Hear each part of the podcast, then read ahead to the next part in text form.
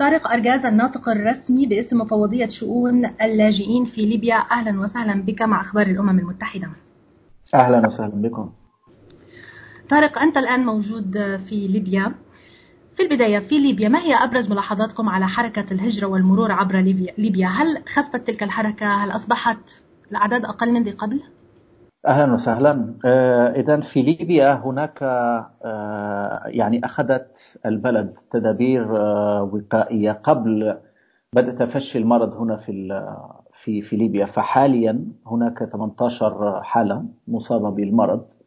وفيما يتعلق حركات الهجرة يعني فعلا منذ أكثر من أسبوعين لم نرى يعني حركة أو تدفق لأشخاص يريدون العبور يعني من ليبيا نحو أوروبا.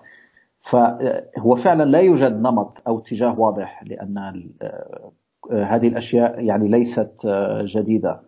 بس فعلا من رأيي الشخصي هناك تخوف. يعني لا من طرف الناس الذين يودون الهجرة من جهتهم ولكن أيضا من جهة الأشخاص يعني المهربين يعني لأن كمان عندهم تخوف يعني من هذه الجائحة. وليست هناك يعني عمليات عبور كثيرة حاليا. بالنسبة للمفوضية هل من خطة بديلة إذا صح التعبير للتعامل مع هذا الفيروس إذا يعني لا سمح الله وصل إلى النازحين أو المخيمات أو مراكز التوقيف؟ أريد أن أذكر بأن يعني ليبيا تمر من من صراع حاد يعني من ومواجهات آه، قد تمت السنة. وهذا أثر هذا الصراع أثر على النظام الصحي والخدمات الطبية في البلاد يعني التي أصلا كانت آه، كانت هشة. والآن هناك مخاوف جديدة بشأن قدرة الخدمات الصحية الضعيفة في البلاد على التصدي آه، لهذا المرض. من ناحية المفوضية هناك بعض الخدمات الصحية التي نقدمها من خلال مراكز لدينا آه، في آه، هنا في طرابلس مثلا. ولكن دعمنا سيكون أكثر لمثلا وزارة الصحة. فمن خلال وزارة الصحة ومن خلال الأجهزة الموجودة يعني على على أرض الواقع يعني نحاول إمداد المساعدات من معدات طبية أو أدوية للمراكز الصحية الليبية ومن خلالها آه، سيتم يعني إمداد المساعدة للأشخاص المحتاجين إلى إلى العناية أو الرعاية الطبية. سيد طارق المفوضية تقدم المساعدات آه، إلى أكثر من مليون وثلاثمائة ألف شخص في ليبيا بين لاجئ ونازح طالب لجوء مواطن ليبي هل لك أن تحدثنا في البداية عن الفروقات آه، تحديدا بين اللاجئ وطالب اللجوء وأيضا كيف تقدم الوكالة مساعدات للمواطن الليبي آه، إذا لم يكن مصنف على أنه لاجئ أو نازح اللاجئ هو شخص آه، يوجد خارج بلد جنسيته أو بلد إقامته المعتادة وبسبب خوف له من التعرض لاضطهاد معين وهذا الاضطهاد ممكن أن يكون بسبب العنصر أو الدين أو القومية. أو الانتماء إلى طائفة اجتماعية معينة أو بسبب رأيه السياسي. فلو آه، هذا الشخص لديه خوف من التعرض للاضطهاد بسبب هذه العناصر أو لا يريد آه، لا يريد أن يستظل تحت حماية بلده آه، فمن إمكانه أن يطلب اللجوء في البلد الذي هو موجود فيه حاليا. طالب اللجوء هو آه، الشخص الذي طلب اللجوء ولم آه، يحصل على آه، صفة اللاجئ.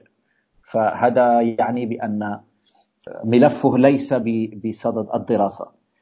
النازح هو الشخص الذي مثلا اضطر من الهروب من منزله ولكن ليس مازال بداخل بلده الأصلي.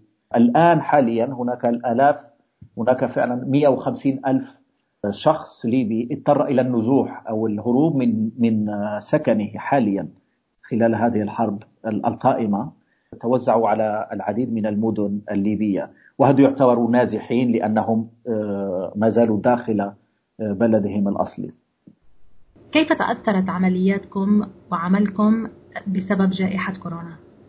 عمليات المفوضية والمنظمات الإنسانية إجمالا تأثرت بهذا الوضع من جهة بسبب مثلا حظر التجول في غالب البلدان ومن جهة أخرى لقلة معدات الحماية الشخصية أو التدابير الوقائية التدابير الوقائية.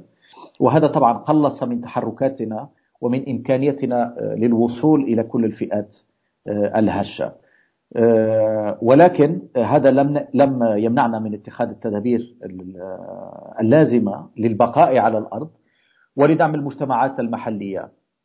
فالمفوضية مثلا هنا في ليبيا ليست متواجدة وهناك شغل مع المجتمعات المحلية ومع العديد من البلديات وتم إمدادها بالمساعدات الانسانيه من معدات طبية أو أدوية أو حتى سيارات إسعاف للعديد من المراكز الطبية التي آه، ليس لديها العدد آه، العديد من الإمكانيات.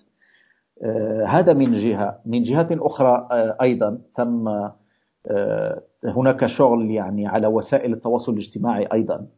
وقد قمنا بنشر العديد من المنشورات التوعوية وفيديوهات كما تم تشخيص يعني عدد من المجموعات من اللاجئين مثلا. لقد تمكنا من التواصل معهم على آه، تطبيق واتساب آه، على سبيل المثال وهناك عدد آه، من التطبيقات الثانية وهذا ساعدنا على إيصال المعلومات إلى اللاجئين بطريقة أسرع يعني.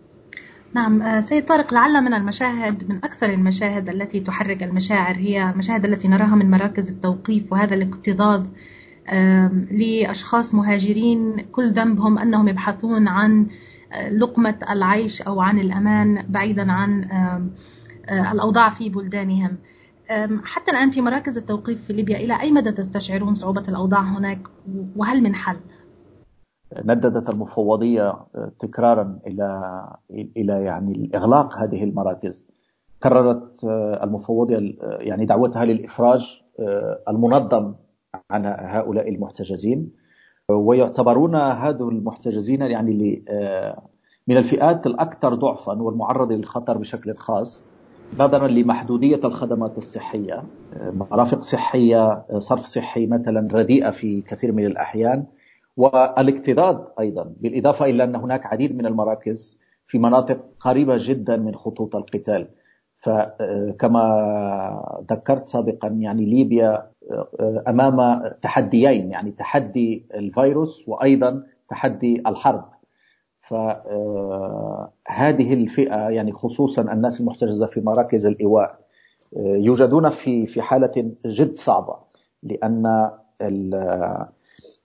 هذه المحيط الذين يتواجدون فيه يعني ممكن أن يكون أن يسهل يعني من تفشي هذا الفيروس. ومن جهة أخرى معرضون أكثر للحرب لأنهم آه، بجنب خطوط القتال. آه، المفوضية قامت مرارا بمخاطبة السلطات المحلية في هذا المجال.